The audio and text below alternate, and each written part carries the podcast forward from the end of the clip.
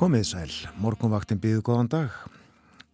Það er þrýðu dagur í dag, komin 7. september, klukkunum vantar nýju mínutur í sjö. Um sjónamenn þáttarins Þórun Elisabeth og Björn Þór, við fylgjum ykkur til nýju í dag. Og hugum að verinu, ljómandi veður á Íslandi þennan morgunin eins og síðustu morgna. Og stuttbuksna veður viðaðum landi ger og uh, verður í dag líka sínist okkur mis heitt á landinu. Sömstaðar bara tveggjastega hitti núna klukkan 6 en annar staðar 13 gráður. En hægur vindur víðast hvar sínast uh, að vera 5 metrar svona það sem að er hægt að segja kvassast er, ég held ekki. Varla. Varla. En uh, áttastega hitti í Reykjavík klukkan 6, léttskíðað 2 metrar þryggjastega hitti á Kvanneri hægur vindur logg í stikkisólmi og áttastega hitti allskíja þar. Áttasteg og logg á Patrísfyrði sjö gráður og tveir metrar í Bólungavík þryggjastega hitti á Holmavík og einn metri tvær gráður á Blönduósi einn metri. Sekstega hitti á Söðunisvita og á Akureyri fjóra gráður á Húsavík sekstig á Rauvarhöfn Sjöstega hitti á skjaltingstöðum og þrjár gráður á eilstöðum, léttskíja þar, tveir metrar, 13 stig á höfni hótnafyrni, 5 metrar, austanátt, 12 gráður á kvískerjum, hægur vindur, 10 stig á kirkjubæðaklustri, nánast logn. Og 13 steg hitti á stórhöðaði Vestmannegjum, 4 metrar þar, 3 gráður í Árnesi. Og á hálendinu 4 og 5 gráður tíu steg að hitti á Holtaverði heiði. Svo er að spáinn. Já, það er hæg breytileg átt. Austan 3-10 metrar þó siðst á landinu. Víða létt skíjað en allvíða þókuloft við norður og austur ströndina. Svo er satt áframhaldandi blíðviðri, bjart og hlít að deginum en það og það er þannig næstu daga en verður meira skíjað þegar að líður á veikuna. Á morgun má gera ráð fyrir lítilsáttar vætu við suðausturströndina en annars bjart og bjart með köplum, hitin áframsöpaður 10-20 stig yfir daginn og hlýjast inn til landsins. Það fer svo að regna vestast á landinu á fymtudag og regnir talsvert sunnan og vestanlands á föstudag. Það snýst líklega í norðanóttum helgina og kólnar heldur fyrir norðan. Gott öður í dag. Gott viður í dag og uh, hlýtt áfram. Mér sýnist áfram vera hlýjast í árnesi og á eigilstöðum, rétt eins og í gær. 19 stegi hitti í kortunum þar eftir hátegið. En hlýtt víðast hvar annar staðar líka.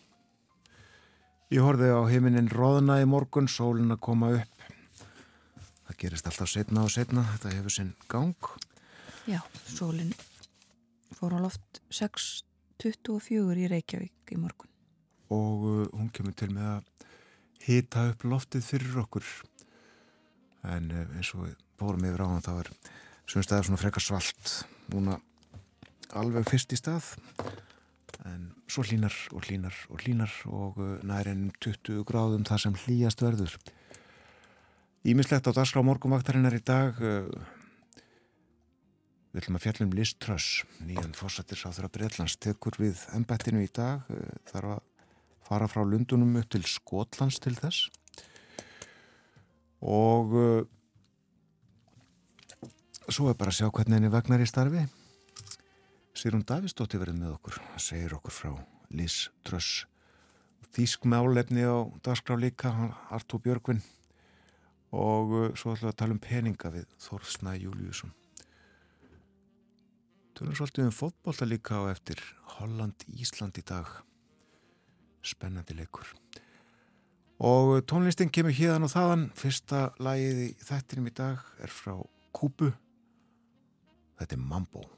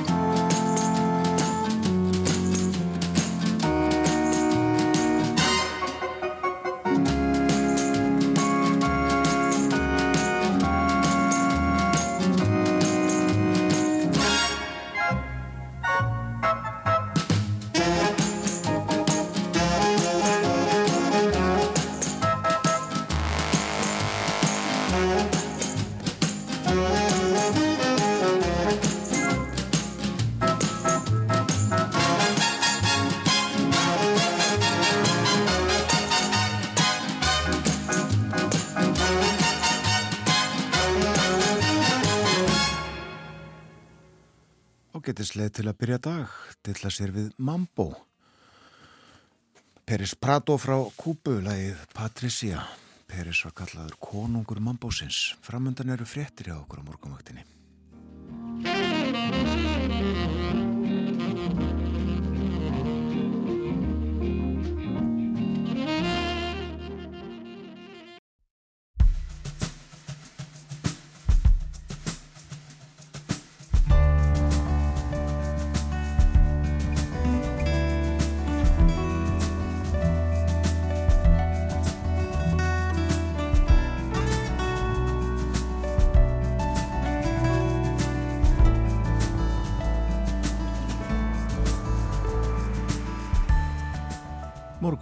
Helsar og býðu góðan dag. Það er þriðu dagur 7. september.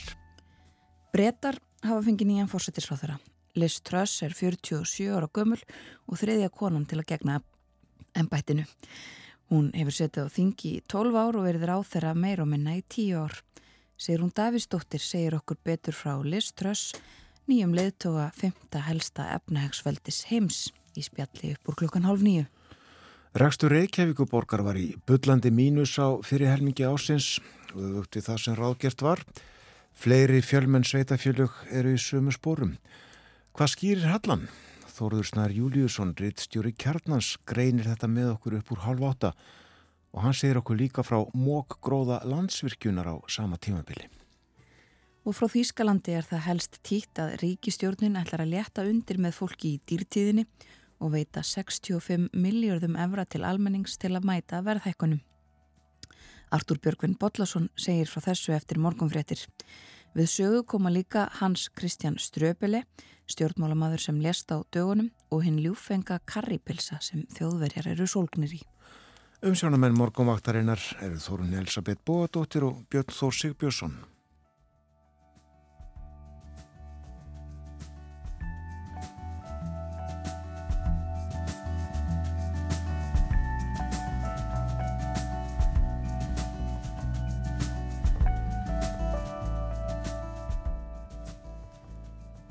Er fallet veður viðast hverjum landið og verður þannig í dag hæg breytileg átt viðast hverjum landið Áframhaldandi blíðviðri bjart og lít. Það er þó aðeins kvassara síðist á landinu getur farið í 10 metra á sekundu þar. Það er nú ekki svo mikið. Og hitin 10 til 20 stig yfir daginn hlýjast inn til landsins. Og það verður áfram hald á þessu blíðviðri þó að verði aðeins meira skíjað þegar að líður á vikuna og farið að rigna sömstaðar. Lítilsáttar væta söðu austan til á morgun, fer svo að rigna vestast á fymtudag og rignir talsvert sunnan og vestanlands á föstudag.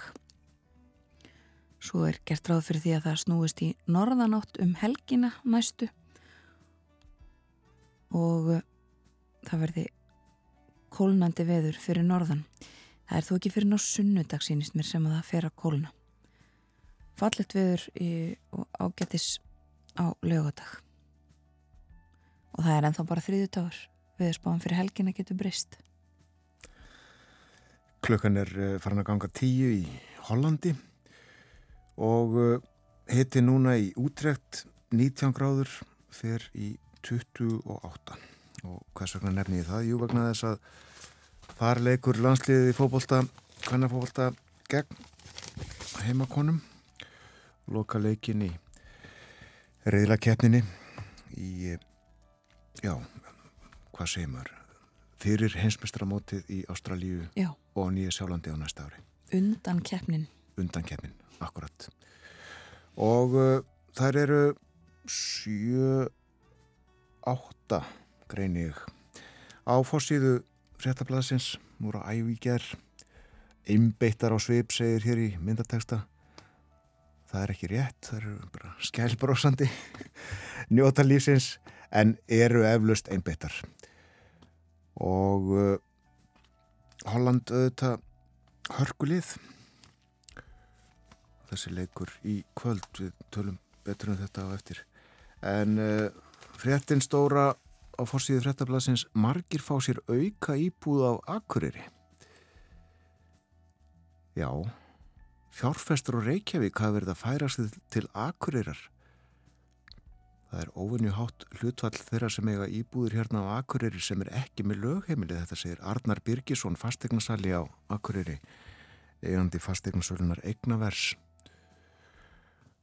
En uh, hækkun íbúðaverðs í fjölbíli hefur verið tvöfalt meiri á Akureyri en í Reykjavík árinu og rúmlega þrefalt meiri en á Selfossi og í Reykjanesbæ. Og það er sannsagt mikil aukning í því að utanbæjar fólk kaupi sér auka íbúð á Akureyri. Fólk er að kaupa sér annað heimili á Akureyri, Akureyri er í tísku, segir Arnar fastegnarsali. Og svo segir hérna að samkvæmt fastegna mælaborði Deloitte, þá var fermetraverð fjölbilis á Akureyri tæplega 432.000 krónur í janúar en í júli var það komið upp í 571.000, þetta er hækkun upp á 32% og hækkunin í Reykjavík á sama tímabili er 14% og rúmlega 13% á höfuborgarsvæðinu öllu. Og svo er það morgublaðið, en það er greint frá því að eh, nýverið saminuðust tvö stór fiskaldisfyrirtæki Norsk, Salmar og NTS og þetta hefur áhrif á Íslandi því að þessi fyrirtæki eiga dóttu fyrirtæki hér, annars vegar Arnarlags og hins vegar Arctic Fish og samkeppnis eftirlitið íslenska hefur ákveðið að skoða þetta hvort samenning þessara norsku fyrirtækja hafi áhrif á markað hér og komist samkeppnis eftirlitið að fyrir niðurstuða að svo sé þá mun það mögulega aðhafast eitthvað. Svo er það efnaðasmálinn en uh, þannig er að uh, það er heilmikil verbolga og alls konar vandraði í bresku efnaðaslífi. Rekningar fólks hafa hækkað, snar hækkað og uh, fulltrúar í ferðarþjónustu á Íslandi hafa afgjörða því að þetta leiði til þess að fólk hafi ekki efna á að koma til Íslands, brettar sækja Ísland stríðum strömm, getur við sagt og Jón Bjarki Bentsson aðalhagfræðingur Íslandsbanka tekur undir þessar áhyggjur, deilir áhyggjum með þeim í ferðarþjónustunni. Og svo er rætt um efnaðasmálinn vítt og breytt, fréttir inn í blæðinu líka. Það er talað hérna við Ragnar Björn Ragnarsson sem vinni hjá Arjónbanka og það er að tala um efruna, stöðu hennar. Hún er vext, veiking efrunar er þessu tengt en margir af stóru vogunarsjóðunum hafa sett skortstöðu á evrósk hlutabref og evruna. Hún er mikið skort selt þessa dagana og meira en sérst hefur hinn síðar í ár. Ég skal nú bara viðkjöna það, ég veit ekki um hvað maðurinn er að tala. Ég þekki ekki þessi húttöku, veit ekki hvað þetta er skortstaða og að skort selja. Ekki þannig að ég geti skiptað út allavega. En kannski Þóruðsnar Júliusson geti útskýrt þetta fyrir okkur. Hann verður hérna eftir 20 mínútur eitthvað svo leiðis önnur mál á dagskrá áformuð en já, byggum hann um að útskýra skortsölu á öðru. En fórsýðu myndin hjá morgumblæðinu hún var tekin í Reykjavíkurhöfn í gær af marglitum það er uh, mynda svarma í höfninu og víðar þessa dagana fjölmarkar bláglittur sem er algeng marglittu tegund við ströndur Íslands. Já, er mynduðu svarma nálagt innsiklingar vitanum við Sæbröti Reykjavík í gerð. Mökunar tímabil marglitta stendur yfir á höstin og þetta verist vera gott ár að maður til Guðjón Smá Spaldussonar, hann er sérfræðingur hjá Hafnarsóknarstofnun. Og Guðjón segir, eh, marglittunar geta myndað svarma á höstin ef aðstæður eru góðar, það er að vaksa yfir sumarið og eru yfirleitt búin að ná fullri stærð á þessum ástíma. Einni sérst til marglita, myndasvarma í hafnafjörðahafn. Ekki oft sem marglitur eru fórsýðu myndefni dagblaða. Gaman að þessu. Þetta var það helsta á útsíðun dagblaðana, eh, fréttablaðsins og morgunblaðsins. Og uh, við þá að tala aðeins um fókbaltan í kvöld. Þetta er svona hörkuleikur loka leikurinn í í riðlunum Ísland er á toppi riðilsins með 18 stig Holland í öðru sæti með 17 og uh, liðir sem fer með sigur á fólmi kemst beint á HM næsta sumar Já, og raunar dugar stelpunum okkar stig er það ekki? Þeim, þeim dugar jafntefni Jú, mikið rétt það sem þar hafa einstegs forskott Já.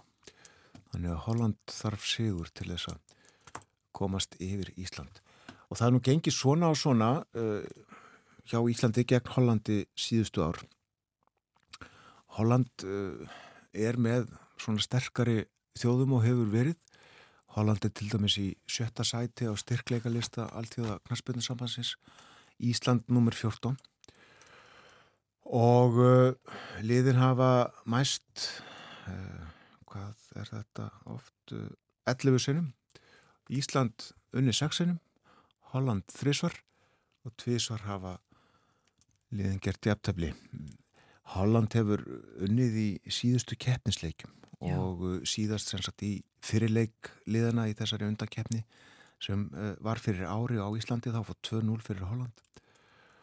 En uh, þar áður þá gerðu liðin jafntefni og 2017 vann Holland 4-0 en uh, Ísland vann 2-1 í vináttuleik í Kórnum 2015 en Ísland sannsagt með fleiri sigra þegar litið er yfir söguna alla og Holland komst í áttaliða úslit á EM í sömar tappaði gegn frökkum. Ísland komst ekki upp úr sínum riðli eins og umunum og uh, var það ekki Holland Evrópamestari 2017 með minni það. Nefnitt Gríðarlega stertlið að minnstakosti sem að við Eh, sem að stelpunar mæta í kvöld. Klúan korter í sjö í íslenskum tíma. Og leikurinn er þetta í beitni útsendingu hér á Rúf Skulum uh, hlusta nú á nokkra hollenska tóna. Anneke Van Gísbergen syngu fyrir okkur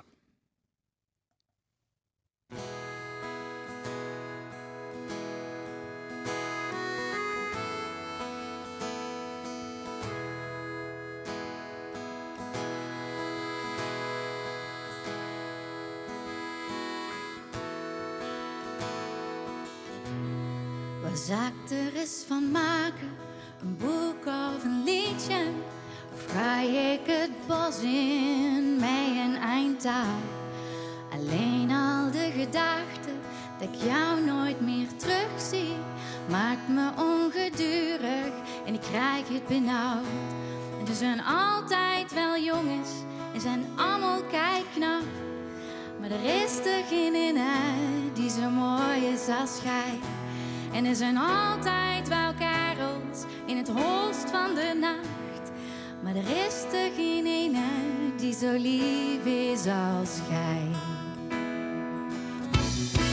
Wat zou er eens mee doen? Koud bloed of een liedje? Of ga ik het bos in met een eindtaal? Alleen al de gedachte dat ik jou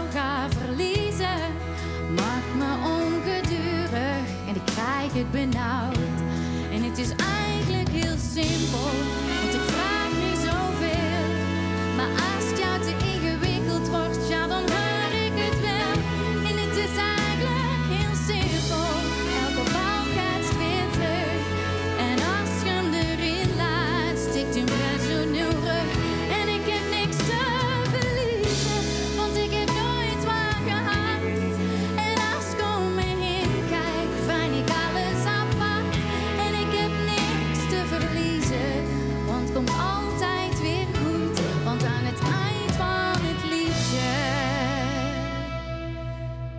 blijf ik altijd bij jou.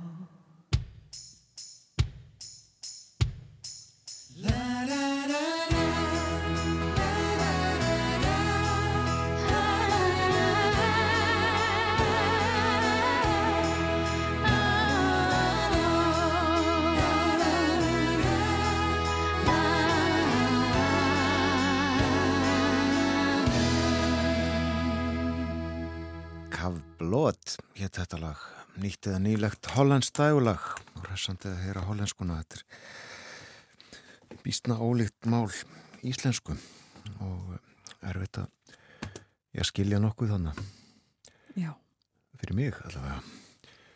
En uh, við lítum aðeins í ellendublöðin uh, List trössuðu þetta á fórsviðum breskra blaða og blaða kannski víðar um heim. Já, uh, og þetta segja það myndir af henni í dönskum, norskum sænskum og bandarískum fjölmjölum uh, þeim svona sem við skoðum á hverju mótni.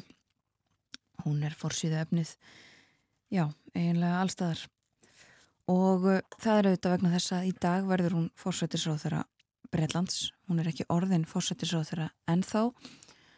Það er vegna þess að drottningin, Elisabeth drottning nafna Liz Truss um, er í Skotlandi. Venjulega hefði það verið þannig að hún væri í London eða einhver staðar næra að minnstakosti stjórnmálafólkinu í London og, og um, þá var hægt að fara beint til hennar, þá hefði Boris Jónsson geta gert það strax í gær, farið og beðast lausnar fyrir sína ríkistjórn og, og Liz Truss og komið í kjölfarið og, og fengið umbóð til að mynda nýja ríkistjórn en það sem sagt frestaðist vegna þess að drottningin er í Skotlandi og uh, þau fara nú bæði þangað uh, hitta drottninguna í Balmoral höllinni sveita setrunu þar þar sem að drottningunni fyrst vist best að vera. Boris Johnson held sína loka ræðu sem fórsættis á þeirra nú í morgun fyrir framann dáningstræti tíu og uh, var svona ósáttur í þeirri ræðu ósáttur við að vera neittur þarna út. Talaði um að reglum hefði verið breytt á miðri leið og, og fleira í þeim dúr en lofaði því að hann myndi styðja nýjan fórsettisráð þeirra alla leið. Og uh, fór svo settist upp í bíl uh, sem að ekur honum út á fljóvall og hann flýgur til Skotlands. Ætliðu fljú ekki saman? Það geti verið uh, hvort þau séu að hugsa um umhverfið og spara peninga, ég veit það ekki. Stutt flugferð allavega upp til Skotlands og uh, þar ræði bóri sjá við drottninguna og, og Liz Truss kemur svo í kjölfarið og myndar uh, fær stjórnar myndunar umbóð umbóð til að mynda nýja ríkistjórn og viljum að ræða auðvitað nánar um um þessi mál, um Liz Truss og það sem er framundan í Breitlandi hér á eftir þegar Sigrun Davísdóttir verður með okkur sláum að þráðan til hennar upp úr klukkan hálf nýju en uh, bresku blöðin sem sagt eru öll með umfjallanir um það sem að uh, já, þau svona allavega hafa heyrt að Liz Truss ætli sér að gera. Það er svona mísjafnar áherslur á blöðunum um, en allir með eitthvað um, um hennar áform sérstaklega í orkumálum. Og uh, einhver staðar las ég að uh, hún er ekki tekin við en hún er nú þegar að falla á tíma sagði einhver staðar það kannski uh, svona lýsir stöðunni í Breitlandi Já. en hún er líka aðal umfyllunarefnið já, viða annar staðar í fleiri á fleiri fórsjöðum teiknum myndafinn á fórsjöðuna politíkan í Danmörku en þar er áframhaldandi hins vegar umfjöllun við töluðum held ég í gær hafi verið um, um það að í Danmörku er verið að velta vengum yfir heilblíðiskerfinu, en það var kannski í síðustu viku það sem að tala um, aðgerðir á enga heilblíðistofnunum sem að uh, fólk getur farið í ef það hefur efni á og meðan að byggðlistatnir á ofnbjörðu spítulunum lengjast og lengjast. Og nú er aðal fréttin á fórsíðu politíkin af uh, aukavöktum á spítulum og sérst verið tekið saman að á þremur árum þá hefur á höfuborgarsvæðinu í Danmörku uh, 500 miljónum danskra króna verið varið í uh, það að borga aukavaktir á spítulum og þetta er skortur á starfsfólki sem veldur þessi og kostnaðurinn uh, ykst gríðarlega. Áfram kunnulegu umræða við þekkjum þetta líka alls konar svona umræðu hér á Íslandi í helbreyðiskerfunu og norðmenn halda áfram umfjöldun sinni þeir eru með hugan í Svíþjóð við kostningarnar þar og tala um það núna að áður fyrr þá hafi svíjar ekki viljað sjá danska innflytjandastefnu og uh, ekki viljað sjá það sem að Danir væru að gera þar þegar Danir tóku að herða sína innflytjandastefnu en nú hafi sænskir ráþeirar verið í uh, lærdómsferðum í Danmörsku til þess að læra af því sem Danir hafi gert og við þekkjum þetta hlustendur morgunvaktarinnar hafa heyrt af þessu áður. Og uh, fleira um innflytjandamál það er talað um það á fórsýðun á New York Times að það hafi ein miljón innflytjanda um, komið til bandaríkjana á meðan að Joe Biden hefur verið fórsýtti sem sagt ein miljón óskráðura innflytjanda segir hér sem hafa fengið að koma tímabundið inn í landið og uh, umfyllunum þetta töluverð í bandaríkanum. Þetta er auðvitað stórt uh, máli í stjórnmálunum þar, rétt eins og í þessum nágrannaríkjum okkar sem við nefndum hér áðan. En sem fyrir segir meira um bresk stjórnmál hér á eftir þegar Sigrun Davistóttir verður með okkur og uh, svo verður við líka í Þýskalandi eftir morgunfréttina klukkan 8 þegar Artúr Björgum Bodlason segir okkur það helsta þaðan. Og rétt þá engað heim, Freyr G. Gunnarsson skrifaði á vefokkarrú.is grein í gerkvöldi frétt um laun borgarfulltrúa í Reykjavík. Þeir eru með 948 krónur á mánuði. Laun borgarfulltrúa hækkuði 1. júli um uh, næstu í 60 krónur og uh, þeir fulltrúar, borgarfulltrúar sem að sitja í borgaráði e, fá 240 skall aukalega og eru því með tæplega 1200.000 á mánuði og formaður borgaráðs er með 1330.000 krónur.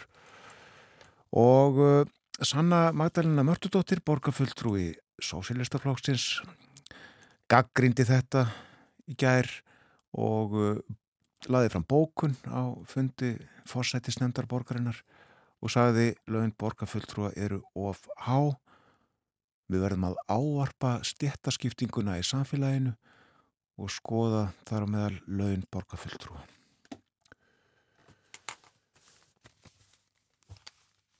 Frettæðiletið kemur eftir stuttastund eftir það verður Þórðusnar Júliusson með okkur, reittstjóri kjarnans en uh, hér er hins vegar uh, hér er hins vegar komið að lægi og það syngur Ragnhjóður Gröndal.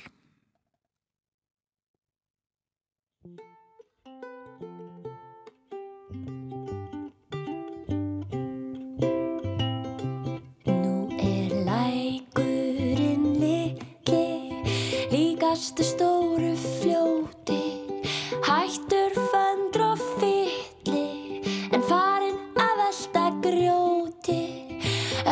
Öskrar svo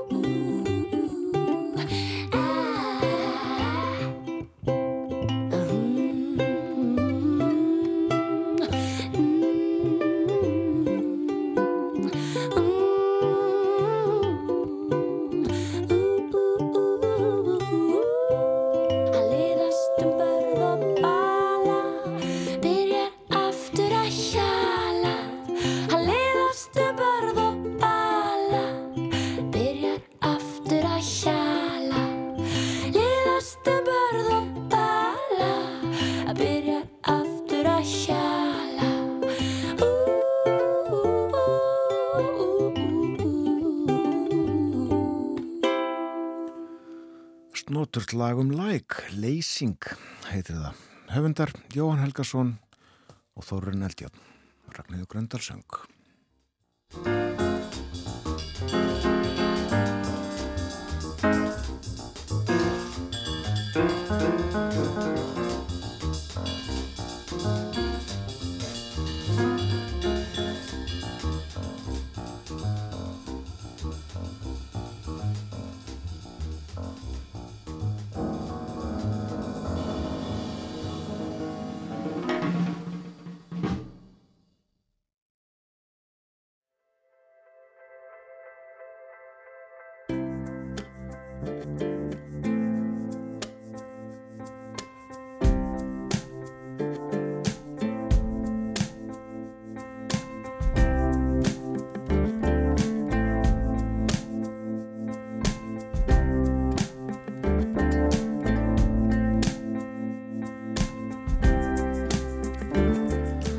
aftur þegar það hlusta á morgumvaktina á rás 1, þriðu dagur í dag, klukkan farin að, já, hún er réttliðlega hálf átta, 7. september. Og við hugum að veður, veðrinu verður bara fínasta veður á landinu í dag, hiti að 20 stigum þar sem hlýjast verður og sólinn mun eitthvað skína allstaðar og víðast hvar tiltölulega hægur vindur. Þannig að uh, fólk getur áfram klæðst stuttbúsunum, gerði þá margir í gæðir, sá ég Já. Göttum úti. En ímislegt uh, framöndan hjá okkur, uh, ég minni á að Sýrún Davíðsdóttir verði með okkur upp úr hálf nýju, hún ætlar að segja okkur frá Liz Truss sem að, uh, já, innan klukkutíma, tvekja eitthvað svoleiðis, tekur við ennbætti fósættisráð þeirra Bretlands. Artúr Björgvin hér eftir morgun fréttunar á eftir og hann ætlar að tala um þennan pakka sem að Þíska ríkistjórnin kynntu um helgin ætlar að veita 65 miljörðum evra til fólks til þess að uh, auðvelda auðveldaði lífið í þessum verðhækkunum sem að dunið hafa að undanförnum yfir. Hann ætla líka að tala um karrivúst, karripilsuna, sem að þjóðverðir eru margir hverjir sólgnir í og gestir þeirra líka. En nú er Þórðusnar Júliusson, rittstjóri kjarnansestur hjá okkur. Við ætlum að fjalla um uh, fjármál og fjárhagstöðu rekstur Reykjavík og fleiri sveitafélaga. Við ætlum að tala eins um uh, fastegnalán, verbulguna og uh, mógróða landsvirkjunar en velkomin og góðan dag. Góðan dag. Mér langaði að byrja á að byrja því að skýr út fyrir mér skortstöðu. Við vorum að fara yfir frettirnar á fórsvíðum bladana á þann og það er sagt frá því hér á fórsvíðu morgunbladasins í dag að efran er mikið skortseld þessa dagana. Þetta segir Ragnar Björn Ragnarsson sem að selur gælderi og kaupir hjá Arjónbanka. Hva, hvað er skortsala á efrum? Eh, skortsala, bara hugdækið heilt yfir hvort sem það er hérna, hún er yfkuð með gjaldmiðla eða hlutabref eða er eignir því er í stuttumálu það að viðkomandi sem er að skortselja fær eigna láni uh, og uh, sagt, hérna, skuldbytsu til þess að selja hana aftur eftir eitthvað ákveðin tíma Sagt, og, og, og endur greiða þar með lánið og hann er að veðja á að eignin lækki í, í verði á meðan. Og þá sagt, verði afborgarna lærið og eftir sittur ykkur skonar hagnar þannig að það er í mjög stuttu og að lang innföldusumáli þegar mm. það hefur verið að skortseli með þessum hætti þá hefur verið að veðja á það að eignin gefi eftir hefur verið að veðja á þarna í þessu tilfelli að efran gefi eftir vegna þeirra aðstæðana sem er uppi ef að mikið að Uh, skortsölu ef að skortsala er trend gagvart ekkur eign, hvort sem það er hlutabriði fyrirtæki eða gjaldmili þá er það, það ekki fínt, uh, þá þykir það benda til þess að, að fleiri hafi væntinga til þess að virði eignarinnar muni læka uh, en hérna, að, að hafa trú á því að, að það muni hæka. Og þetta er alveg heilbrið og eðlileg yðja? Já, hún er það í sjálfsverð vegna þess að hérna Uh, svona, þegar hún er yfguð uh, eftir kunstæðana reglum og í, í, í, í góðu regluverki þá hérna, hjálpar hún auðvitað til við það að, að hérna, halda jafnvægi á vermyndun á vörum á markaði. Uh, en við höfum auðvitað mörg dæmum það að, að, að hérna, það sé hægt að hérna, svona, taka svífurilega stóra skortsölur sem eru kannski teknar á eitthvað skona gráðsvæði eins og var gert hérna það var ekki sem skort seldu hrunið sé marga bíómyndir um það. Eh, og, og, og náðu að, að hagnast gríðilega með því raunverulega búa til nýjar vörur eh, sem voru ekki til fyrir vegna þess að þeir höfðu væntinga til þess að, að húsnæðisbólun í bandaríkjunum væri alveg að farspringa Akkurat. Nú ætlum við að tala um fjárhæð Reykjavíkur. Uh, borgin var reikin í 9 miljardar mínus fyrir helmingi ásins, fyrstu 6 mánuðin Eh, já, eh, sagt, eh, tap allutans þess hluta sem er fjármagnað af skatt penningum, það er að segja innheimtu útsvars fasteirna skatta að uppistu og það er miklu meira tap en áallanir gerur áfyrir, það er að segja sveitafjölun gera fjárrags áallanir og, og, og í fjárrags áallun Reykjavík borgar var gert ráð fyrir 4,8 miljardar tapi á fyrstu 6 mánuðum ásins Eh, en það var eins og þú sagði á hann 8,9 miljardar ja. og þarna auðvitað er alveg svakalega mikill munur á frekar skömmum tíma.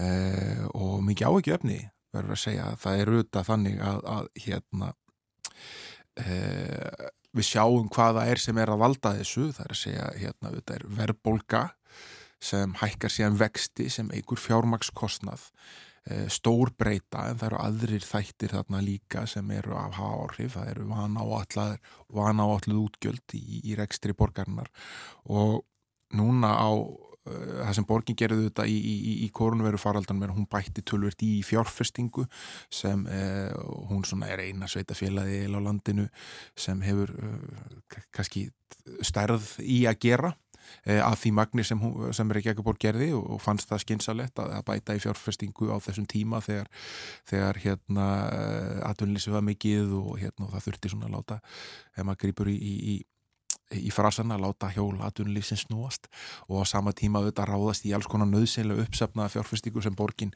hefur látið sitt í hakanum í gegnum árin.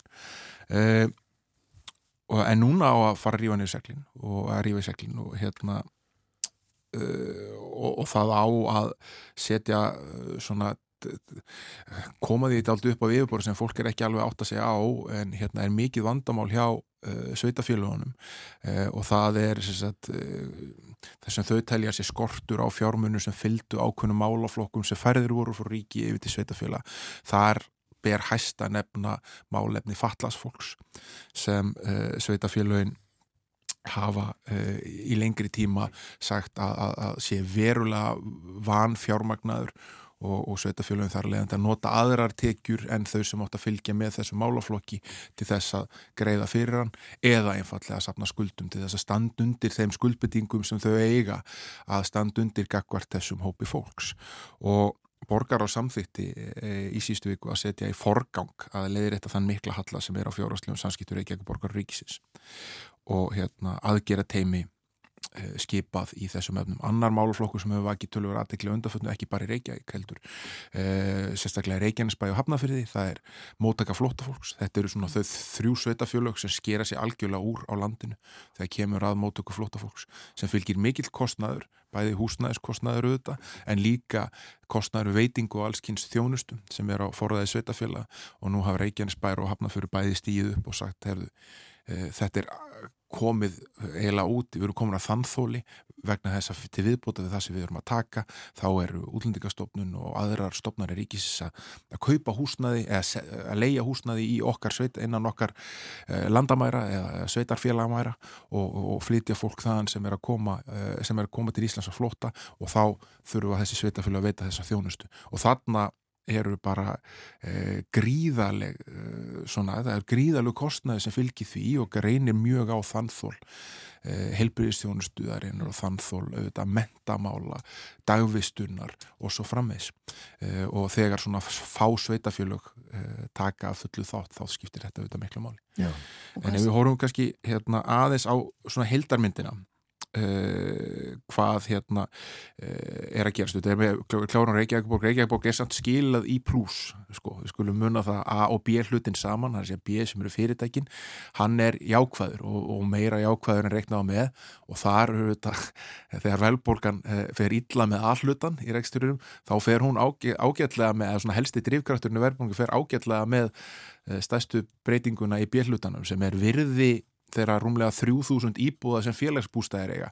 Og það er hækka um 20 miljardar á 6, 6 mánuðum sem er alveg langmesta hækkun sem hefur orðið á þessu eignasafni á slíku tímabili. Mm. eh, og það gerir það verkum að, að samstæða Reykjavík borgar eh, að virði, ja, að það er hagnaður vegna þess að matsbreytingarna teljast sem tekjur. Eh, þannig að hérna þannig eru allan að egnirnar sem Reykjavík borg á, þær eru að hækka, mikið við því þrátt fyrir að reksturinn sem er fjármagnar með skattekjum sé í átnum eh, en eh, ég leitaði þess aftur í tíman til, til í februar þá byrti samband íslenskar sveitafélaga eh, samantækt um fjárasáallanir 67 sveitafélaga á þessu ári og sem í að í þessum 67 sveitafölum búa 99,9% landsmanna. Og þá var sagt, gert ráð fyrir því að, að e, þorri, eða, rúm, tæpur helmingur 32.067 sveitafölum er reygin í Halla. E, og samilur Halli fyrir árið e, er ekstra nefnist að allutans er því neikvæðum 6,4 miljardar Þetta var í februar sko. Já. Þetta er þegar hérna, stríðsregsturinn í Úgrænu er að hefjast. Þetta er áður en að verðbólgan fer að stað. Þetta er fyrir allar þessar stýrivægsta hækkanur og hækkandi fjármáskostnað. Eh, ég held við getum bara vel ímyndu að okkur hver þessi staða er í dag. Við heldum séum fara að sjá fram á það að rekstrar uh, niðurstaða uh, sveitafélaga fyrir þann hluta sem er fjármagnar af skattekjum uh, hún verði í alvarleg, eh, mjög víða þegar hérna, við gerum upp þetta ár nema að vera gripið til einhver aðgjör einu svona sínilu eh, svona vísirina aðgjöru sem við hefum hirtum er það að fósrættisráðara hefur talað um það að nú er að fara að láta fjármarsegundur greið útsvar. En maður er nú til efs að það kom til framkvæmda á þessu ári ef að, ef að verður. Þannig að hérna, eh, þetta er svona bara e, daldið e, svört staða sem er framöndan ef við, við reiknum inn hefur eittnum inn e, þessi áhrif sem verða af verðbólgunni á rækstur þessari sveitafélag. Já, mm. og þá uh, eh, reyðum við upp það sem við nefndum í morgun að uh, först laun borgarfulltrú að hækkuðum 56.000 kall mánuða greiðslunar 1. júni. Já, við fylgjumstu þetta áfram með þessu en ætlum að tala um íbúða lánavexti. Það er, já, hluti af þessu, þessari stóru mynd sem við erum að tala um. Bankar og lífyrsjóður eru svartnir að hækka vextina og er, það er uh, allt öðruvísi staða uppi núna heldur en bara fyrir ekkit mjög lengur síðan. Já, svona vægt til orðateki við tala um það fyrir ekkit svo lengur síðan þá var að hægt að fá hérna óvertriða breytilega íbúða lánavexti á svona rétt rúmlega 3% fyrir svona grunnláni upp á 70% af, af, af, af markasverði og þess húsnæði sem við erum að kaupa. Núna erum við að sjá þessi lán fara, eða svona vextin að vera komin upp í 7% eða þarum, sikkurum megin við það. Það eru þetta gríðarlega breyting á skömmum tíma og hefur mikil áhrif á greiðsluberi þeirra sem eru með þessi lán. Uh, og þeir sem uh, höfðu higgjúti þess að festa vexti í fyrra og, hérna, og voru ekki búin að sjá fyrir uh, þrátt verið að ekki voru búin að sjá fyrir strísegstur í Ukrænu og fleira þeir munur hins vegar á einhverjum tímapunkti á næstu árum, flestir eru bundin í kannski þrjú ár þá losnar um það og þeir fara þá inn í þennan stappa sem er að borga þessa vexti líka mm. þannig að hérna við erum að tala um sko afborganir af, af lánum sem hérna höfðu kannski yfir eitthvað tímambil lækkað sem frá byrjun 2017 og, fram til svona ágúst í fyrra uh, hort á 50 miljón krónu láni eitthvað kannski lækkað um 70.000 og aukir ástöðuna fyrir þessi uh, lækkunur öll gengið tilbaka og, ofan á er komin gríðalega hækkunum á 10.000 krónu þannig að hérna, þetta býtur mjög hart. En á móti þá eru við að sjá auðvitað það að hérna, þessar mjög hörðu aðgerðir stýrivægsta hækkannar og takmörkun á þeim útlánum sem, sem á veita til kaupa á íbúðum. Það er að býta á íbúðamarkaði eðlilega uh, og, og íbúðarverðið er það sem verið að keira uh, verðbólguna fyrst síðast áfram.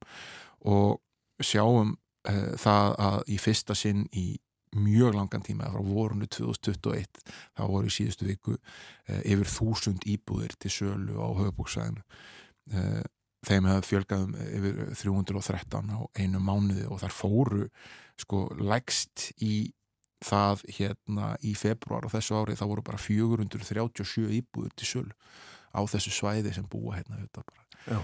Næstu í tveir þriði hlutar landsmanna. Mm. Þannig að það hefur gerst núna að aftur eru sko uh, fjöldi íbúða á sölu herri en fjöldi fastegnarsala í landinu? Uh, Já, ég veit það ekki. ég, ég, ég er búið að gera samantækt á því hvað fastegnarsölum fjölkaði mikið í þessu fastegnarsölu góðari hérna síðustu tveggja ára. Ég, hérna, manni finnst einhvern veginn uh, ólíklegasta fólk fyrir að skipta um aðdunum og fara að selja fastegnir þegar svona árar. Þeir voru einhver tíma að saði fleiri en íbúðum til sölu. En já, eins og þú nefndir þá er það íbúðaverði sem hefur svona haft mikið að segja um verðbólkuna um, og er það þá þessi breyta staða sem veldur því að við fengum líka þar fréttir að verðbólkan hún mingaði örlítið þá uh, Nei. Nei, það er ekki þannig. Uh, Húsnæðsverð hækkaði alveg á milli uh, síðustu mánaðsakvæmt mælingum. En hérna verðbólka sem mælir verðbólku síðustu 12 mánuði hún lækkaði úr 9,9 í 9,7 það var ánægilegt, það var fæst sem áttu vonaði en þar er eldsnittisverð uh, leikilbreyta það er að segja lækun á heimsmarkasverð á eldsnitti sem hefur þá áhrif á, á bensínverði sem eru auðvitað eitt hlutin sem hérna drífurinninni og líka auðvitað flugfargjöld sem lækka vegna þess að flugvilar eru auðvitað knúnar áfram af jarðefnaðelsniti. Mm -hmm. Þannig að það er ástæðan fyrir því að, að, að hún lækkar aðeins við skulum samt sem áður hérna uh, þrátt fyrir að það sitt ástæði til þess að fagna því og, og, og, og það er tilumti bjart síni að verðbólka, 12 mánu að verðbólkan lækki þá hækkaði vístal neysluverðs hins vegar á melli mánuða sko hún hækkaði um 0,29% hún lækkaði ekki. Mm. og það er aftur, við erum alltaf að mæla 12 mánuða tímabil sko. E, þannig að hérna e, staðan sko fyrir 12 mánuðum getur haft áhrif á það hver hún er núna sko, þetta er ekki punktstaðan eins og hún er í dag. Þannig að hérna e, húsnæðsverð er ekki að lækka það er að, það er að hækka minna mm. en það gerði áður og uh, það er aflegging af, af þeim aðgerðum sem hefur gripið til eðlega, vegna þess að það eru mjög dýrt að, að taka lán og, og það eru færið sem geta tekið og, og, og verðin eru orðin mjög há. Þannig að hérna uh, svo er bara frólægt að sjá hvernig þessu framvindur og hvernig, hvernig þetta lítur út í næsta mánu Já, næsta mánuði og kannski næstu mánuði eh, að því að maður hlýtur að veltaði fyrir sér sko, er bara fullt af fólki hérna sem að er að fara að lendi verulegum vandraði með húsnæðislánin sín. Hefur einhver tekið það saman eða spáð eitthvað fyrir um það? Sko, uh, við erum auðvitað bara með svona kannanir á þessu skilur hérna fólk sem hérna hefði eh, spurt hvort að fólk sé í vandraði með að láta enda ná saman og það er ekki bara húsnæðislánu sem er að hækka það er allt annað sem hefur verið að hækka. Þú veist, þótt að elsnæðisverð hafa eins lækkað undarfötnu þá er að hækka mikið á skömmun tíma og flestir bílar á Íslandi sem er, veist, þort fyrir sem að stíða skrefi aðra átt hefur verið hönnuð svona, Íslandi verið hannað í kringum bílaegn Uh, og, og, og, og það er stór kostnæðilegur uh, matakarfan hefur hækkað mikið þrátt fyrir að einhverjir tveir smásalar hafi ákveða að, að frista verða okkur um nokkur hundru tegundum sem þeir eru að selja þá hefur mataverðið hækkað mikið mm. og það býtur uh, þannig að hérna, það er sko þessar auknur ástöðunateikjur sem fjallu til vegna skattalækana skulum munna það líka. Það eru skattalækanir sem auka, fjölga krónunum í vasan og svo launahekkanir sem koma ofan á. Það, þetta er að dragast tilbaka og, hérna, og þegar fólk hefur kannski stilt af heimilsbókjaldið öðruvísi, svona, meðað við rástöndekjum sem það hafði, þá er það auðvitað ef það er að tegja sér til þess að kaupa stærra húsnæði getur það ansi fljóttlendi vandræði og, og tölurna benda til þess að það séu sko, auðvitað, þeir sem lenda alltaf í vandræðum, það eru lægst settu hópatnir hérna í samfélaginu eh, bara örgjar eh, einstæðingar, þeir sem eru á lágum tekjum, eh, núna auðvitað þessi risastóri hópur erlendra ríkisborgara sem býr hérna og en það eru líka svona millitekjuhópar Og, og, og þeir sem er að kaupa sér dýrhúsnaði bentu tölur til dæmis um það að, þá sem er að lenda í því hérna, sko í fyrra að vera e, með greiðsluberi sem er ósjálfbær það er að eða yfir 40% af, af rástöðunatekju sínum í, í það að borga niður húsnæðiskostnað, það var í fyrra sko þá hefur við eftir að taka inn uh, allt sem hefur gerst í ára, allar þessar millu vaksta hekkanir og þann kostna sem fylgir því og ekki hafa launahekkanir og verið miklar í ára á móti. Þannig að ég held að svari sé já, en hversu margir kannski lenda í því að lendi í vanskilu með lánir sín og annað slíkt, uh, það á eftir að koma í ljós. Eitt sem hjálpar er það að það byggðist upp mikill sparnaður á korunveru tímanum. Fólk er að ganga á þann sparnað, uh, margir og, og einhverjir er að skuldsetja sér til þess að láta mánuðamónuðin ganga upp og, og einhverjir hafa getu til þess yfir einhver tíma og vonast til þess aðstæðu lægist og húsnæðiskostnurinn drægist nú saman ef að vextir verða að lækka er þegar framlega stundir. Mm. uh, en ef ekki þá kemur á einhverjum sásukapunkti einhver tíman og hérna við nú ég held að svona uh, Íslandssagan síni það að hérna, þegar fólk lendir í vandræðu með húsnæði sitt þá verður allt villustuð Það er ekki eins og það sé ekki tilinni peningar, eh, það er mjög arvanlegt að uh, selja álverum rama. Heldur betur og, hérna, og þetta eru þetta aldrei skrítið að horfa á, á okkur með okkar lo, loka rávorkukerfi sem hérna og þetta með Eh, sko, sem hitum, gott að búa aðfjallistundum sko, hérna að fá allt þetta hitta vatið þess að hitta húsin okkar og þurfum ekki verið að kaupa gas frá Rúslandi til þess. Eh, erum með hérna í öllu samanbörði mjög ódýrt ramagn eh, og eru samt að selja sko 80% af öllu sem við framleiðum hérna til stórnótenda eh, sem er að búa til hagnað fyrir fyrirtæki í ofinberi eigum sem er landsvirkjum uh, auðvitað það er stæst og orkuveitan sé líka stórleikandi þessu markaði.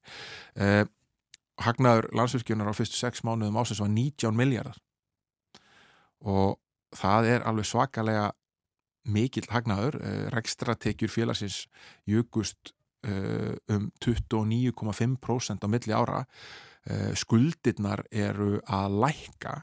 Handbætt fjö er að aukast.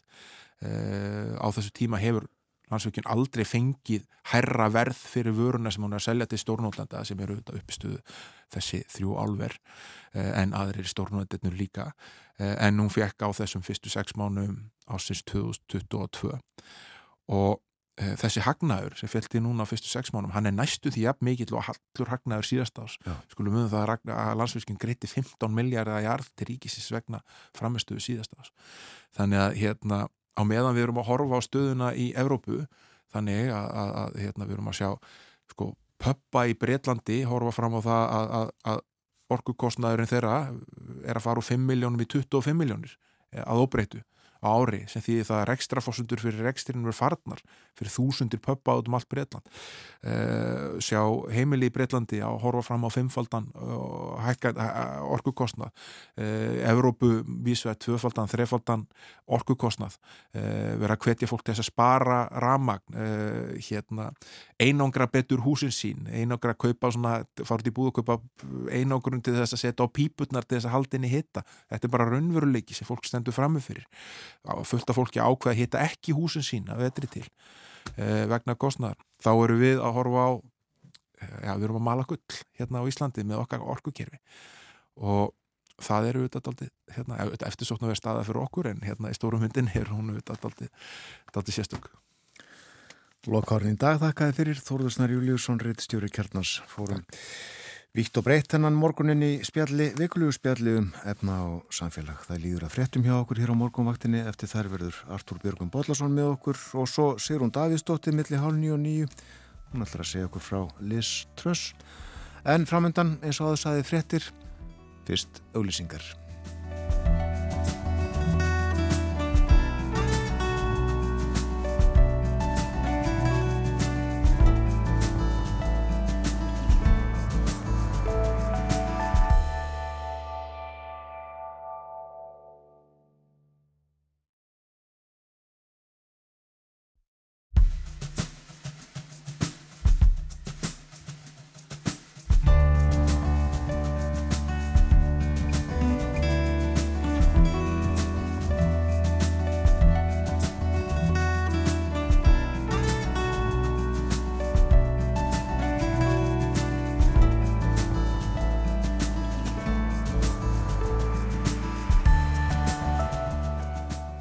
Aftur þeir eru að hlusta á morgunvaktina. Klukkan farin að ganga nýju það er þriðu dagur í dag, 7. september.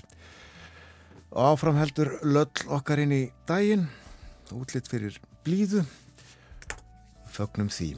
Ég minni á að Sýrún Davíðsdóttir verði með okkur eftir tæpar 30 mínútur, hún ætlar að segja okkur frá Liz Truss sem að sendteku við ennbætti fósættisráþura Breitlands En nú er komið á umfjöllunum Þísk málefni. Við erum komin í samband við Artur Björgun Bodlason. Hann er reyndar ekki statur í Berlin í dag eins og oftast nær. Nei, hann er úti í sveit. Heil og sætla, góðan dag. Góðan daginn. Í Rínarlöndum ekki satt? Jú, í Rínarlöndum. Littlum bæ í Rínarlöndum, skamt frá hollensku landamærunum. Það er lítill sveita bær. Hljóma vel. En uh, við ætlum að hefja umfjöllun okkar um Þísk málefni í Berlin þar er þetta ríkistjórn staðsett og uh, hún ákvaða á dögunum að veita hvað var það ekki 65 miljörðum evra í styrki til almennings til þess að kljástu verðhækkanirnar að undarförnu Jú, það er rétt. Það hafi reynda leiðið í lottinu þó nokkuð tíma að stjórnvöld væru að sjóða saman til um það hvernig mætti milda höggi sem að fjárhæfur þýskra heimila mun verða fyrir vegna síhækkandi orkuverðs og aukinar velbólgu hér í landinu. Þetta er auðvitað hluta til afleiðing eh, við bara vesturlanda við árás rúsa inn í Ukrænu. Því að eins og allir vita þá er hann búið að skrúa fyrir gasi til uh, Þískarlands, þannig að það hlæðir ekki lengur og rúsar eru að nota þetta sem þvingunatæki til þess að, til þess að uh, knýja það fram að, að vesturlanda þjóðir aflétti viðskipta hömlum á rúsa í kjálfærstísins en uh, það er sem sagt uh, vitað að, að þegar svona efnahagsrengingar þjarma að fjára heimilana þá verða þeir alltaf vest úti sem minnst mega sín og þess vegna var það yfirlýst stefnabæði jafnaðamann og græninga í þýsku stjórninni að uh, þeir fengju mesta hjálp sem að vest væru settir. Og til þess að ganga frá sáttmála og þessum aðgerðum að þá setti Þískastjórnin á raukstóla um síðustu helgi öllu heldur á laugatægin síðasta. Og menn voru nú nokkuð brattir þegar ég gengur til fundarins því að ég gá í skín að, að þetta er komið á reynd fyrir kvöldfyrirtir þann saman dag en það var nú eitthvað annað. Því það þurfti eitthvað 22 tíma fundahöld til þess að koma þessum tillögum saman. Og eftir sem sagt alla nóttina á fundum að þá þar sem að stjórnarflokkarnir fulltrúið þeirra reyðu ráðum sínum að þá emdi sjálfskanslari ásand fulltrúin græningja og, og frálsættdemokrat til bahamannufundar. Það sem hann gerði grein fyrir niðurstöðu þessa, þessa, þessara laungu samningaviðrana. Það verður að taka fram að, að græningar og jafnaðamenn vistist nú vera nokkur samstiga þessum málum en, en frálsættdemokrata sem að aðhyllast, já, má segja svona nútíma frálshyggju að þeir voru svolítið upp á kant og þetta er alltaf sami klopningurinn í stjórninni, það eru græningar og jafnaðamenn örmegin og og frálsýttdemokrater á bremsunni hinnum einn. En þegar að rindir í þessar, eða listan yfir þær alderið sem að stjórnar þarf að grípa til í, í, til, í því skynja að létta uh, af almenningi, eða létta almenningi að komast í gegnum kreppuna og, og halda sjó í öldurótsinu sem framöndan er í efnaðarsmálunum að þá kemur reyndar margt áverði ljós. Uh, sko heiltapekkin eins og þú nefndir, það er að segja allur kostnæðurinn sem að eða það fjárframlega sem stjórnar þarf að setja í þessa hjálparættirir eru hvorki mjög en 65 miljónur evra og eh, það er nú tölur peningur jáfnveil fyrir efna þessu veldi eins og Þískarland. En eh, með þess sem á að gera, sem er að skoða þetta, þá eru til dæmis að eh, þá borga eftir launathegum, eldri borgurum, einn greiðslu sem nefnur 300 eurum til þess að standa stöðum af hækkandi orskureikningum og, og geta borga sína orskureikninga, 300 eurum þar á 50.000 króna. Sömulegis fær námsmólk fólk eingreðslu upp á 200 efðurur og svo verður sett sérstak þak á orkuverð til heimilanna. Það er ekki alveg ljóst hvað það verður, eða hvað þak það verður, hvernig það lítur út en það á að gera. Og þá að hækka barnabætur sem kemur fjölskyldu, fjölskyldum og einstæðum fóröldum til góða. Og svo er annað sem er mjög aðtiklisvært að Hérna geta menn sótt um húsalegubætur, sko Þýskaland er náttúrulega mikið leiguland, stórfluti þau að vera að býða í leiguhúsnæði, það er ekki þessi egnar húsnæði stefna sem við þekkjum á Íslandi, þetta er alltur þessi, alltur þessi kerfi hér. En uh, til þessa gáttu um það byrj 700.000 leyendur sótt um húsalegubætur hér í Þýskalandi. En þá var fjölga, þá var, var sem sagt að, að gera mönnum öðveldra fyrir að sækja um þessa bætur og fjölga þeim sem að mega sækja um og geta fengið þar úr 700.000 í 2 miljónir þreföldun á þessum fjölda og svo á að lækka ímsar svona íms ofinberggjöld sem að almenningu þarf að greiða til og, og síðast en ekki síst það var mikið spenningur í loftur út af því að þá stendur til að fylgja eftir þessum vinsala nýju efru uh, miða í stættóa og, hérna, og lestir hér í Þísklandi Uh, það er endar, sko, hann rann út, það var bara í júni, júli, ágúst og þessi vildar kjör voru afnuminn 1. september núna, fyrir fánum dögum. En þá eitthvað kom í staðinn og nú verður það að, að, að ráðslæðan um það að, að mögulega muni nýji mánuðarmiðin kosta kannski 50-60 eurur. Mm. Uh, maður gætt keift miða áður en að þessi efri miði koma á 82 eurur með rétt, þannig að það verður þá veruleg lækkun og, en þetta ræðist reyndar svona einhverju þetta því hvað fylgin eru reyði búin að leggja í púki vegna þess að, að ríkistjóðin alltaf leggja fram 1,5 miljard í þetta dæmi en svo þurfa fylgin að, koma á móti og það byrja nú öruglega miklar vangaveltur í fylgjónu núna og margir, margir fundir sem verða haldnið til þess að sjá hvað fylgin geta lagt í púkið á móti og, og þessar aðgerðir allar saman ég er náttúrulega bara að tæpi á þeim helstu því að þetta verður náttúrulega langt mála að fara í sömur á þessu öll en þetta er svona þar helstu sem hafa verið eh, dregna fram. En þessar aðgerðir hafa fengið svona mísafnur undirtektir eins og fara gerir og, og uh, flestir telja nú að vita á þessum málum og svona hagsbyggingar sem álætti í sig þeirra en það sé allt sem að skrefi rétt átt. Þetta muni minka álægið á almenning og sérstaklega þá vestsettu vegna þessara verðhækkana uh, sem að núna dinja yfir. Og og fólk fagnar nú almennt því að greiðslum til sko, greiðslu skulu hækkar og einn greiðslu skulu greita til eftirlauna þegar og námsmanna hins vegar eru margir hagsbyggingar ef eins og að það verði hægt að fjármagna allan þennan stóra pakka.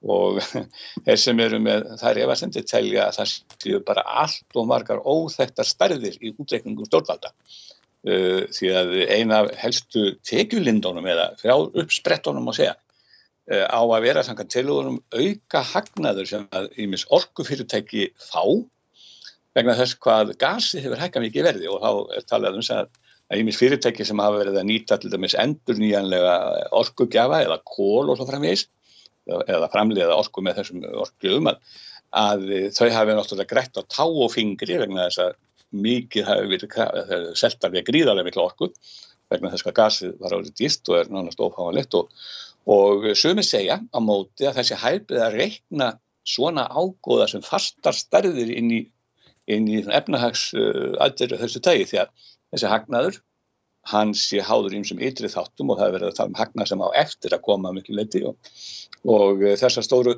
fjárhæðu séu því ekki fastar í hendi.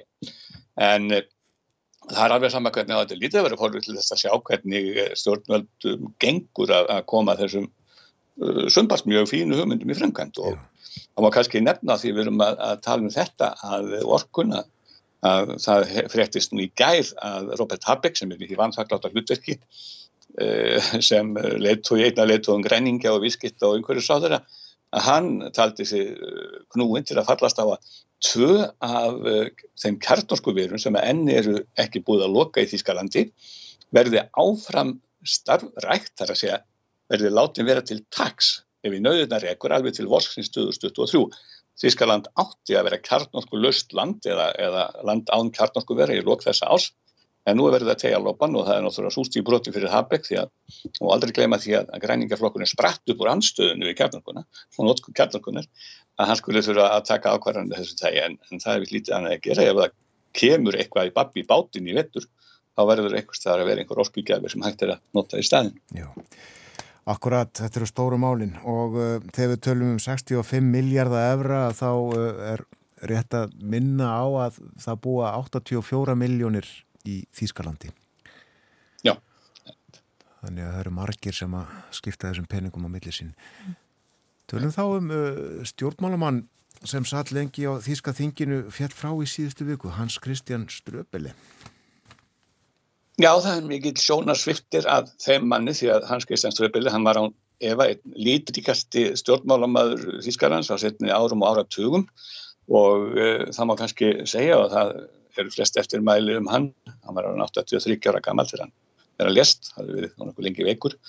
En e, það eru er náttúrulega allir sammálu sem að hérna, hafa skrifað um hann eftir að hann fjall frá að, að hann var eitt þeirra manna sem tók sín eigin samfæringu alltaf fram yfir flokkslínundan, hann var einn af stopnendum græninga og, og einn af helstu mönnum og þingmönnum þeirra ára ræðir og ára tögi En þessi eiginleiki var alltaf mjög sterkur í honum að, að, að, að sem er mjög sjálfgefur í, í fari stjórnmálumanna sem en að því að oftast, oftast er hann þannig að þeir sem ánýttjast flokkum og, og fara að starfa fyrir flokka og í nafni flokka þeir eru reyðubúnir að selja sál sína fyrir flokkagan eða flokkshollustuna eins og það heitir Já. og vika sinni samvinsku til hlýðar og sína samfæringu. En Strupili var ekki að því í tæginu, hann var sko ef hann var ekki sáttur við gerðir græninga sem segja flokks, þá leta það mjög skist í ljósi og trú ekki neina dölu á það og það var auðvitað ekki alltaf vinsælt máttum við nefna að á sínum tíma þá delta mjög harkalega á ymsa gjörningafélags í Jóska Fissers þegar að Jóska Fisser var í stjórngerra skutis því að þíski herin mætti taka þátt í hernaði útlöndum, það hefði verið algjört bannirði og algjört bannið því þangað til. Og sem fríðarsinni sagði alls ekki geta sætt sig við það. Hún var refsað eh, eftir það með því að hann var ekki settur á lista hjá græningum í kostningurum næsta á eftir 2002 en þá gerði hann sig lítið fyrir að bauðsi fram sjálfur.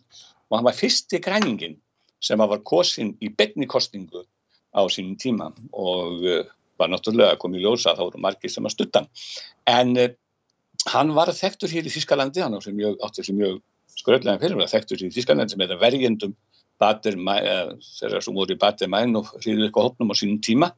Og þar vann hann náið með öðrum lögmanni, hann lærði lögfræði, lögmanni sem heitir Otto Síli og uh, sá var nú setna jafnaðamar og einnaringi sáður við jafnaðamannaflokkin í stort Svölders en uh, Eh, Strubeli og Óli Tíli vildi alltaf kalla sig einlægan vinstri mann og eh, eins og ég segja, hann stopna, var þetta stopnendungaræningaflokksins og settist fyrst á þing fyrir það var 1985 og uh, hann var alltaf mikil sinni og fekk bátt fyrir eins og ég talaði um þetta 2002 í kortingunum og hann var þekktur fyrir að, að, að, að gera ymsa hluti sem að menn, mann þóttu óvinnileg til dæmis þegar að uppljósturinn Snóten var á hversmanns vörum fyrir allmörg eða nokkrum árum síðan þar sem að var þá uppalega í, var uppalega leitaði hælis í Moskva að þá flög Strubeli til Moskvu og átti með honum fund í laumi.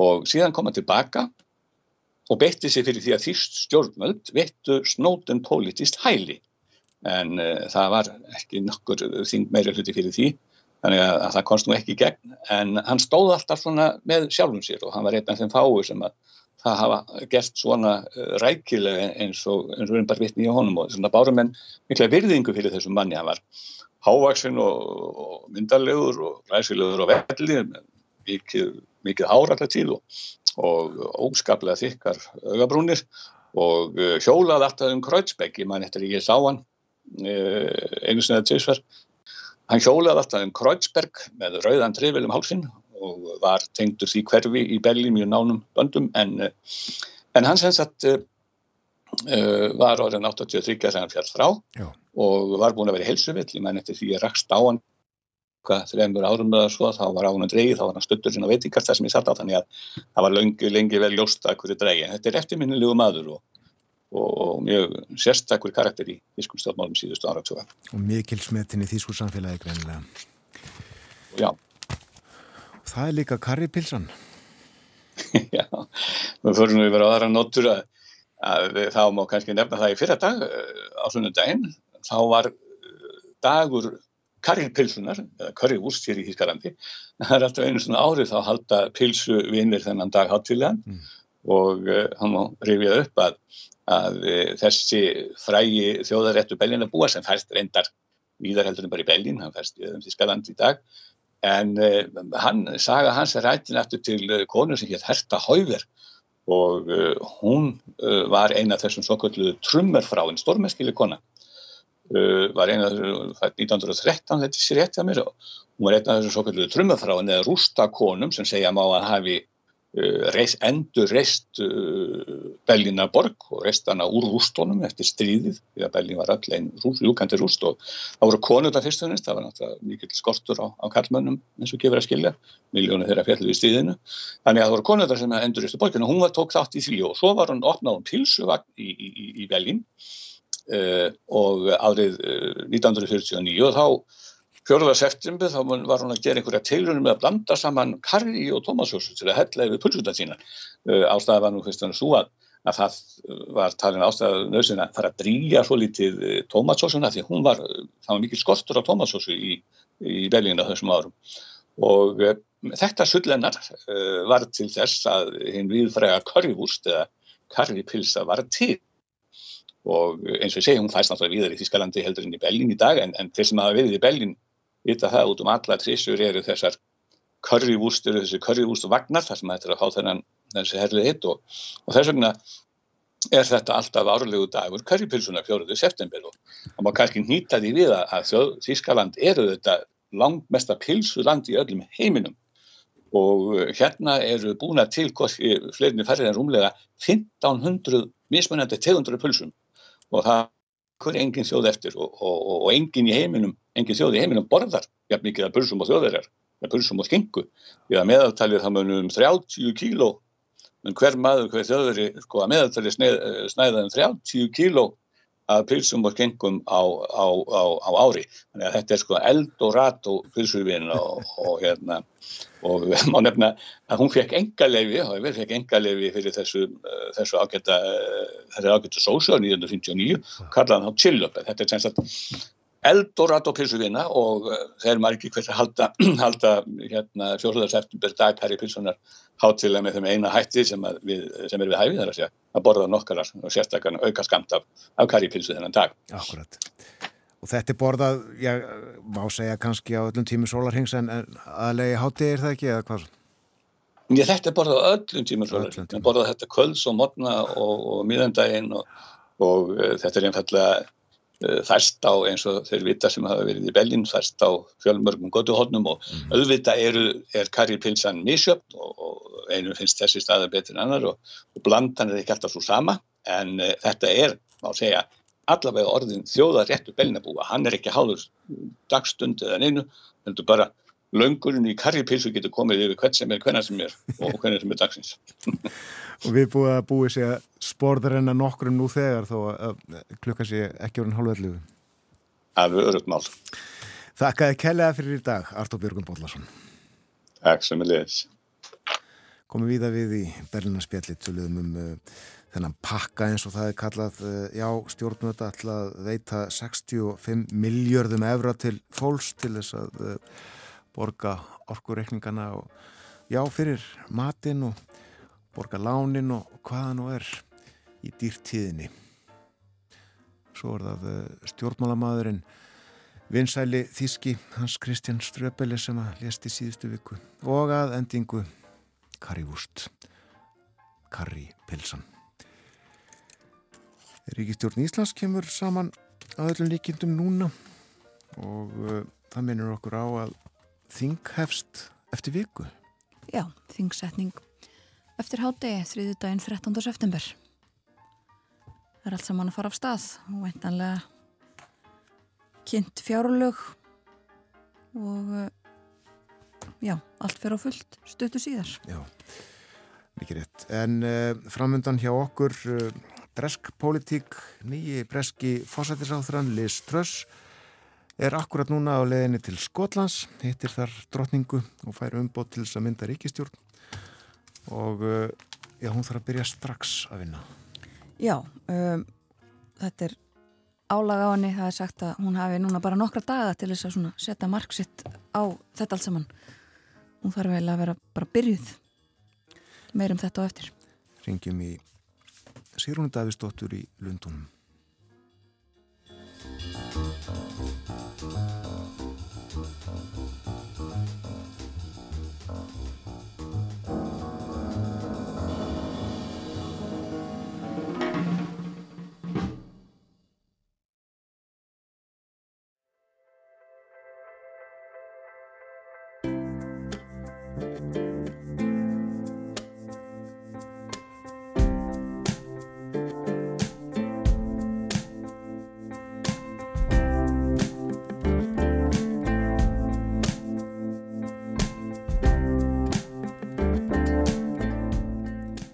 Þið að hlusta á morgunvaktina klukka núna réttliðilega hálf nýju komið að síðasta hluta þáttanins þennan morgunin og hann leggju við undir bresk stjórnmál. Já, Boris Jónsson er uh, rétt líklega að lenda eða lendur í Skotlandi þar sem hann fyrir á fund drotningar og uh, hættir sem fósættisráþara og eftir honum mætir svo fund drotningar verðandi fósættisráþara Liz Truss. Við ætlum að tala um Liströss, eh, veturinn framundan og bresk mál almennt og eh, til þess höfum við fengið til þessu okkur Sigrun og Davísdóttur í Lundunum. Góðan dag. Góðan blæsan daginn.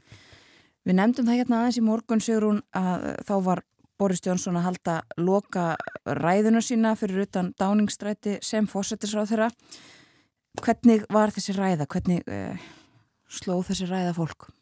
Þetta var klassískur Johnson, hann romsaði upp afreikalista sem eins og oft áður stennst ekki alveg raunveruleika próf, ekki alveg beintengtur sannleikanum, það var votur af biturð, reglunum hefði verið breytt einhvern veginn í miðjum leik og uh, það verður svo að hafa í huga að þetta er stjórnmálamadurinn sem var mikið gefið og glutraði öllu uh, niður, uh, samt afar ósattur, greinlega ekki svo mjög við sjálfan sig heldur við ímsa aðra, En hann hamraði á að hann ætlaði nú að styðja stjórnina heilsugar, samættu aðrir að gera og kom svo með tilvittnun í rómverskan pólitíkus Cincinnati sem kvarf úr stjórnmálum en snýri aftur og uh, þetta kemur inn á að Johnson hefur dadrað við endurkomu sem þýtti þá stöðuga aðtikli á honum. Það er ekki beint pólitíst vinarþel sem hann sínir flokknum og nýju stjórninni með því en já, þetta var klassískur Jónsson. Hastala vista baby. Já, þetta var nefnilega nákvæmlega önnur útgafa af því. Já, og einmitt eins og segir þá ætlar hann kannski með því að gefa ekkit út en svona gefa þessu undir fótina þá vonast hann til þess að hann haldist í söðsljósunu og fjölmjölar verða alltaf að velta því fyrir sér hvað honum finnst og hvað hann ætla að gera. Já og hann náttúrulega er búin að sjá Donald Trump fyrir bandrækja fórsitt að leika þennan leik svo það er ekkit á móti því að prófa þetta líka hér. Akkurat. En hann sagðist já alltaf stiðja nýjan fórsittisráð þeirra og stjórnina heilsugar og uh, þá skulum við tala um þennan verðandi fórsittisráð þeirra. Hver er Liz Truss? Hún er 47 ára, fætt 1975, hún er ekki fættur íhalsmaður, hún kemur úr vinstur sinna fjölskyldu, pappinar er starfræðiprofessor, tröss efast um að pappinar muni nokkur sinni kjósana, eh, mamminar er hjógrunfræðingur, stjórnmálaferillin hóst í frálslinda demokrataflokknum að háskóla árónum í Oxford um miðjan tíund áratugin, uh, hún hjælt þá eftirminnilega flokksingsræðu sem oft hefur verið spiluð einmitt undanfarið, Um, mjög uh, ungæðisleg uh, stjórnmálakona þarna sem vildi leggja niður konungstæmið. Það verið óholt verið breyta að hafa fjölskyldu fætta til valda. Nú, hún var svo komin í íhalslokkin í lok uh, námsárana, hún tók prófi í heimsbyggi hagfræð og stjórnmálum sem er gráða sem Oxford Háskóli er frægur fyrir, margir breski stjórnmálumenn hafa tekið þessa þrennu Hún vann svo hjá oljufélaginu Sjell og víðar og eftir nokkra tilhörnið til að komast á lista það náði hún því takmarki og var svo kosin þingmaður 2010. Já, síðan eru liðin 12 ár. Hvað hefur hún helst afreikaði í pólitík á þessum 12 árum? Eh, það er kannski ekki beinlega sagt að segja hún hafi unnið afreikinga til helst afreikið er þetta að ná kjöri núna. Hún varð undir ráð þeirra í barnu og skólaráðuneytinu 2012 umhverfis matvæla og og dreifbílisráð þeirra 2014 það er að segja að þá fekk hún ráðuneyti undir sig og það hefði átt að vera þungavíkta ráðuneyti í ljósu umhverfismála líka því David Cameron sem var þá fórsættsráðra hafði heitið að setja þau mál á ottin en henni tókst það ekki e, sérlega vel en þar var hún örlega árið 2016 Já, 2016 þegar að koma þjóðaratkvæðagreislunni um Evrópusambands aðeld breyta Hvaða afstöðu tók hún í þeim öfnum? Truss var hlitt aðild breyta, hún var á móti Brexit en skipti fljóttum skoðun þegar Brexit lág fyrir og er einlægur uh, Brexit formælandi allegutur síðan. Hún var uh, fórsættis, hún var, segja, dómsmálaráð uh, þeirra í stjórn Theresa May 2016 eftir kostningarnar 2017 varð hún undir ráð þeirra í fjármálaráðunitinu, Truss stutti Johnson þegar með rökkleðist frá 2019 og eftir það tók við röðað veigamiklum embættum. En að því Johnson var alltaf að hræra í stjórninni þá náði Truss kannski ekki að vinna neinn afreg sem alþjóða viðskipta ráð þeirra nýja heldur nú síðar sem utryggisráð þeirra og sem aðal samningamæður breyta við Europasambandið. Nei. En eitthvað hefur tröst til brunns að bera að vera núna orðin leðtögi íhaldsflokksins og þar með fórsetir á þeirra? Þessi voru með henni í skóla og eins kennarrennar segja hann hafa verið svona döglega í skóla, svona svolítið dugstýpa, svona kuristatýpa. Eh, Vinnirennar segja hana mjög klára, mjög fljóta átt að sig, vera mjög hreinskipta og, og hrein og bein minni aðdæðandur efast um að hún sé klár þvert að móti. E, mikið af klaufaskapennar og reikulum skoðunum hefur verið rifjað upp. Það er myndband í dreifingu með frekar hallærislegum ræðubrótum. Hún hefur átt til að segja mjög óhugsaða hluti, anstæðingarennar voru að vonast eftir einhverju slíku núna sem gæti hafa feltana í, uh, í kostningabaratunni en það gerðist alls ekki. Stuttræðanar í dag, uh, í gær segja var dæmu um að henni er annað betur gefið en að halda ræður en hún er klárlega fylgin sér og engin spurning um það. Hún sagði ímislegt aðteglisvert sem hefur ratað í fréttir undanfarið um, til dæmis um Nikolus Sturgeon leðtóða skoska þjóðaflokksins. Einmitt, eh, Tröks sagði, sagði að Sturgeon væri aðtiklisjúk og uh, það væri bara besta leiðana hjá sér, verður ekki það veitanin eina aðtikli sem er doldil óverðingarvottur við skota og, og ekkert svar við skoskum sjálfstæðiskröfum. Sturgeon rifjaði þá upp að þær hefðu hýst stuttlega á umhverfis ráðstöfnu saminuð þjóðuna í fyrra. Það var þó ekki umhverfismálinn sem Truss var upptekinn af heldur spurðum Sturgeon hvernig maður kæmist í tískublaðið Vogue sem hefur fjallað um Sturgeon og Sturgeon saði að blæðið hefði haft samband við hana og væri reyndar í annað skiptið sem hún væri í vók og svarið virtist að Sturgeon fá ábyrjandi mikið á tröss. Það kemur svolítið heim og sama við að sem ráð þeirra hefur tröss ferðast um með ljósmyndara á kostnaríkisins og óspart mynd, eh, byrt eh, flottar myndir á Instagram. Þau Súnag eiga þetta reyndar sameilegt. Súnag er líka duglegur að byrta sér myndir. Þetta er svona nútíma stíl stjórnmálumanna. Akkurat, við þekkjum þetta hér á Íslandi líka. En það má bætaði við að, að uh, Nikola Sturgeon saði í gæri eitthvað á þá leið að henni litist bræðilega á tröss sem fórsættis á þeirra. Nákvæmlega, enginn aðdóðum þar. En þú myndist á Súnag sem eru auðvitað fyrirverandi fjármálar á þeirra og sóttist líka eftir því að verða leðtói í allt flóksins og fósættis á þeirra. Eh, Tröss hefði betur en uh, lengi vel leit út fyrir að Súnag yrði eftirmáður Borisar Jónsson. Hvers vegna hafði Tröss betur? Þetta er auðvitað aldrei betur fyrir Súnag því að það var algjörlega talað um hann sem bara kronprins. Þetta veri bara augljóst að hann ætti þetta. Nú, það má vaflaust týna einmislegt til, uh, Súnag urði á nokkur mistök á ráðherraferlinum uh, sem fjármálaráðherra. Það hafði sitt að segja á nefa að Johnson, armur flokksins, fann Súnag hafa grafið undan Johnson sem var nú kannski daldið hæpin ásökun en allavega. En það veigamesta var að það var nokkuð ljóst að þungamiðja flokksins uh, í tíð Johnsons er komin býstna vel til hægri og Tröst tókst að smegja sér til hæri við Súnak og það dögði til að vera kosin leðtögi, um, annað mál þegar kemur hann á til kjósenda almennt en sem sagt eh, meðal flokksmanna þá greinilega virkaði þetta doldi vel. Fjæk ekki Tröst 57% atkvaða, Súnak 43, eitthvað svo liðis? Nákvæmlega og uh, það hefði komið sér betur fyrir Tröst að ná meira fylgi. Þetta er læra en undanfarandi margir leðtogar hafa fengið, þetta var líka læra heldur en að skoðanakannir hafðu spáðinni.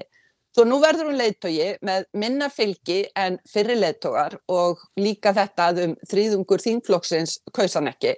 Í viðbót þá hefur hún mjög þrönd hæra fylgi, svo já, útkoman er ekki eins góð og, og hún hefði viljað og, og, eh, og eins og hún hefði þurft til að byr, byrja með þetta aldrei sannfærandi hætti. Verkamannaflokkurinn hefur verið með fórskot eila allt árið og uh, hún veist ekki nýka því neitt uh, allavega svona til að byrja með. Mm -hmm. Þá er það stóru málinn. Hvaða lausnir hefur list Tröss á lífskjara krísunni í Breitlandi? Tröss hefur líst yfir að það sé ekki íhaldstefna að skatta suma til að borga öðrum. Hún vil ekkert millifærslu kerfi, engar beingreðslur til þeirra verstsettu Þetta var það sem hún læði upp með uh, fyrir sex vikum í kostningabartunni. Undanfarnar daga hefur hún þó dreyði í land með þetta og núna eru fréttir um að það verði björgunar aðgerðir sem hún kynni eh, alveg á næstunni upp á 100 miljardar punta og til að setja þetta í samhengi þá kostuðu COVID-ráðstafanirnar eh, um 40 miljardar þar að segja greiðslur til að aðstóða fólk með laun. Þannig að þetta er verulegt. Nú almennt á villun ebla þjóðarhag með skattalækkunum en það gagnast ekki þeim tekjulagstu sem borgar litla sem enga skatta. Upp á síðkasti þá eru ásakanir eða ágískanir öllu heldur um að hún muni setja þak á orkuverð til almennings semst ekki þá að ríkið greiði niður um mismunin heldur fái orkufyrirtækin ríkislán en það þýður auðvitað að þá verður þetta bara innheimt af fólki um ókomin ári gegnum uh, orkureikninga.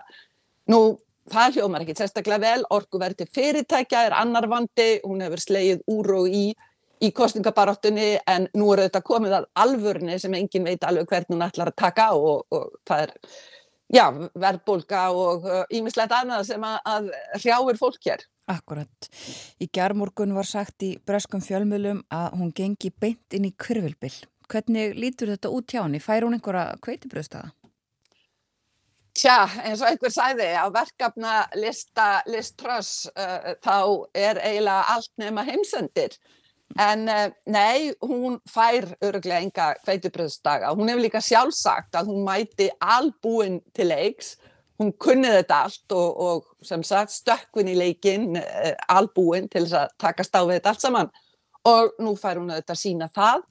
Hún fær nokkra vikur til að sína að hún ráði við þetta og ef hún stendst ekki vendingar á þessum tíma þá á hún ekkert gott í vendum af því þá hefur hún ekki flokkin í bakið og uh, það er almennt ekki mikil trú á henni en það getur auðvitað líka gagnast henni, hún getur þó vel ekki orðið neitt verri heldur en fólk uh, heldur á hún verði. Þannig að hún getur eiginlega ekki gert neitt nema að vinna á, það væri verra ef hún fer eitthvað að dala. Forverar hennar hafa staldra stutt við að mista kost á síðustu árum. Eh, hvernig er útlitið með hanna? Hvað það var þar?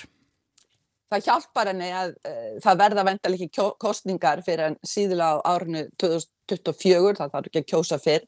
Þannig hún hefur allavega rúm tvö ár, uh, flokkurinn fer tæplega aftur út í annanins leðtoga bröld og, og var núna, allavega þurfti mikið til. Nú tröss er fjörði íhalsleðtogin á sex árum, það hefur verið býstna stormasamt á íhalstoppnum og ef henni tekst ekki að drífa fylgið upp þá er hún allavega búin að vera eftir næstu kostningar en hver veit, það getur auðvitað ímislega gerst. Já, kostningar í síðasta lagi 2024. Við vitum það fásættisráþurar í Breitlandi þegar etnastundum fyrr til kostninga er mögulegt að hún gerir það?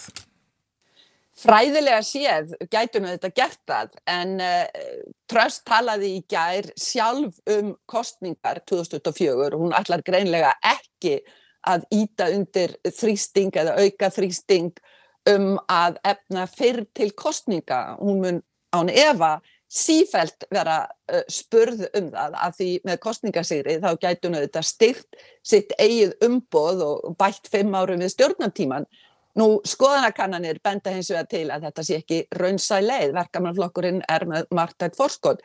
Teresa May bóðaði óvænti kostninga og hún vann en með minna fylgi en áður allir tröðs reyni ekki bara einbytta sér að því að hafa einhverja afreikaskrá fyrir næstu kostningar.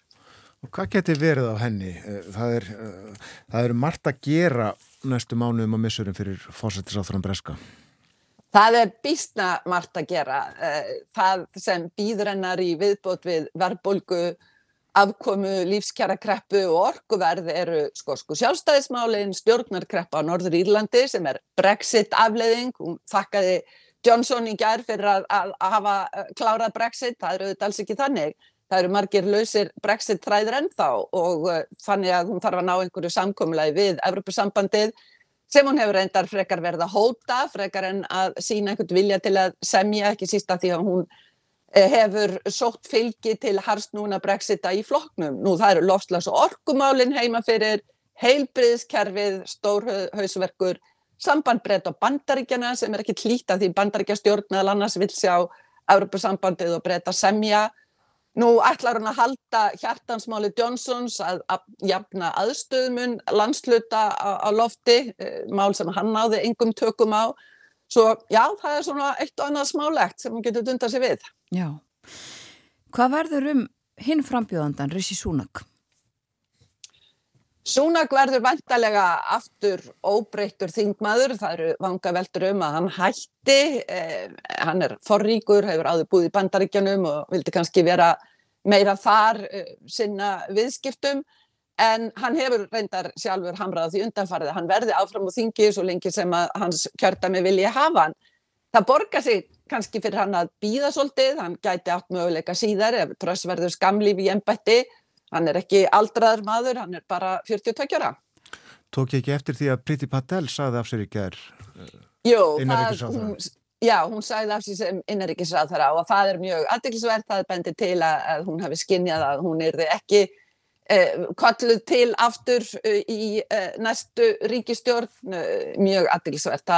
Nadine Dorris, eh, eh, menningaráðara var líka að segja af sér þær eru báðar mjög nátengtar Johnson þannig að, eh, já, greinlega og, og sottar við framvinduna. Já, en hvað þá með stjórnina sem að Tröss uh, fer nú að mynda? Hvernig er líklegt að hún líti út? Um, það verður mjög áhugavert að sjá því samsetningin er svona bæði náttúrulega prófraun á, uh, á uh, Tröss en líka sterk vísbending um hvað hún ætli sér og hvernig stefnan verði. Það eru þegar ímest nöfn á flýju, talið nokkuð ljóst uh, hverjir verða fjármálaráþara og utryggisráþara, talaðu um þá Kwasi Kwarteng og James Cleverly. sem er aðteklisvert, það verður þó ekki bara hvítir karlar í allum topp embættunum, verður að tala um að þetta verði svona fjölbreytt stjórn, hvað var þar bakgrunn og uh, uppbruna en uh, já, spurningin er hvort að þetta verði bara stuðningsmenn tröss, hvort hún treysti yngum öðrum, hvort hún verði með breyðar í hóp en til dæmis Johnson var með. Þraungur hópur, vísið ekki á neitt gott, það þótti veikleiki Johnsons, það þarf, bara, það þarf meira en bara eina skoðun við eh, ríkistjórnarborði, þannig að já, það er beðið eftir þessu með nokkurum spenningi. Já, verður þetta kynnt bara strax í dag eða? Það er búist við því bara strax í kvöld að við sjáum eh, umferð fólks inn og út úr tanningstræti og einhverju koma, já, flest, allir koma brosandi út, hún er svo mikið að reka neina þannig að, þannig að já, það verða bara einhver brosand andlit. Akkurat. Eh, að lokum segur hún, var eitthvað í ávarpi liströss í gær sem gefur vísbendingar um svona stíl og stefnu hennar? Hún eh, þakkaði fráfærandi fórsætsræðara Boris vini sínum eins og hún sagði og taldi upp afreikaskrá hans og hann hefði komið Brexit frá sem eins og ég sagði stangar svo litið á við þetta að það er Brexit-tali sem er frá gengin. Hún myndi á, mynd á stefnu hans varðandi Úkrænu. Hann var í vinsæl frá Carlisle til Kív og þetta átti svona að vera einhvern veginn rúsinan í pilsu endanum í lofræðinum Boris en það kom bara laung þögn. Það stóð á klappinu hvort sem það var að því að fólk fattaði ekki að þetta var endurinn á lofræðinni eða bara menn voru ekki alveg til í að klappa. Þannig að þetta var svona doldið klæfalegt nú varðandi stefnuna þá kannski helst þetta að hún endur tók þrísar sinnum að flokkurinn myndi standa við lovorðin, þetta þykir svolítið bergmál af fræri ræðu Tony Blairs fyrir leðtoga uh, verkamannflokksins En já, það þarf gíska mikið til, hún er í afar erfið, erfiðri stöðu, þannig er stað að breyta í dag. Nú við heyrum sem sagt vantarlega meira í dag í ávarpinu þegar hún flytur inn í dáningsstræti, en eins og einhver sagði, en maður geti valið að verða fórsætsræður að breyta, þá væri þetta ekki besti tíminn. Einmitt það, látum það verða að loka orðin. Kærar þakkir fyrir að vera með okkur í dag, Sérún Davísdóttir. Og Liz Truss auðvitað góð skengis í ennbætti en uh, hljómsveitin Queen er mikið uppáhald í Breitlandi og uh, þegar Liz Truss fættist 1975 þá kom þetta lag út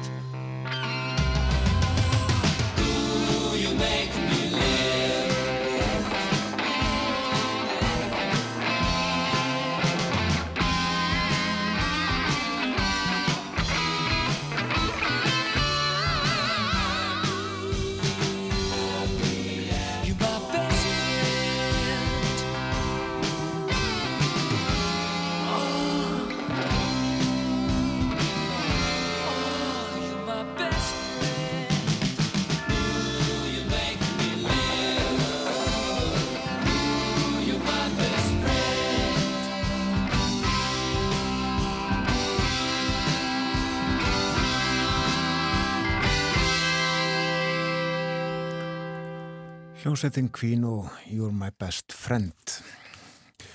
Já, þær hittast á eftir Liz Truss, verðandi fósættisráð þeirra Breitlands og Elisabeth Drottning. Winston Churchill var fósættisráð þeirra þegar Elisabeth var Drottning 1952 og uh, á milli hans og Liz Truss eru 14 fósættisráð þeirra. Einmitt það. Þar af fjórir á síðustu sex árum eins og Sigrun Davistóttir kom inn á í spjalli okkar hér áðan. En já, Liz Truss verður þriðja konan til þess að setjast í stól fórsetisráðara í Breitlandi. Eftir Margaret Thatcher og uh, Theresa May. Já. Og uh, hún hefur, eins og Sigrun sað okkur, tvö ár cirka til þess að setja marg sitt á svona flokkin fram að næstu kostningum, nefnum bóði til kostninga fyrr en það er samtalað þannig í Breitlandi að hún hafi í rauninni bara nokkrar vekur til þess að svona almennilega sína hvað hún getur. Þetta hugsa brettar í dag en uh, við hugsum um uh, fókbóttarlandsliðu okkar. Íslenska kvænilandsliðu mætir Hollandi. Ítra í dag loka leikur í undankeppninni fyrir heimsmestramótið í Ástraljú og Nýjasjálandi næsta sumar. Ísland á möguleika og komast á mótið. Í fyrsta sinn? Í fyrsta sinn og uh, dugar í aðtöfli gangiði vel. Leikurinn í beitni útsendingu á Rúf klukkan kortir í sjö í kvöld. Og við segjum áfram Ísland á morgunvaktinni. En þessu er lokið hjá okkur í dag. Við höfum komið við að við, rættum já um bresku stjórnmólin, þísk stjórnmól voru svona aðalumfyllunar efni okkar. Í spjallifum við Artur Björgum Bodlason og svo voru það efnahagur og samfélag, Þóruður Snær Júliusson fór yfir ímislegt fjármál Reykjavíkuborgar vextina og, og íbúðamarkaðin verðbólguna og svo töluðum við um þennan miljandi hagna hjá landsvirkjun Við þakkum samfélgina, verðum hér aftur á sama tíma í fyrramálið, bjóðum góðan dag klukkan tímindur í sjö. Verðið sæl og njótið dagsins.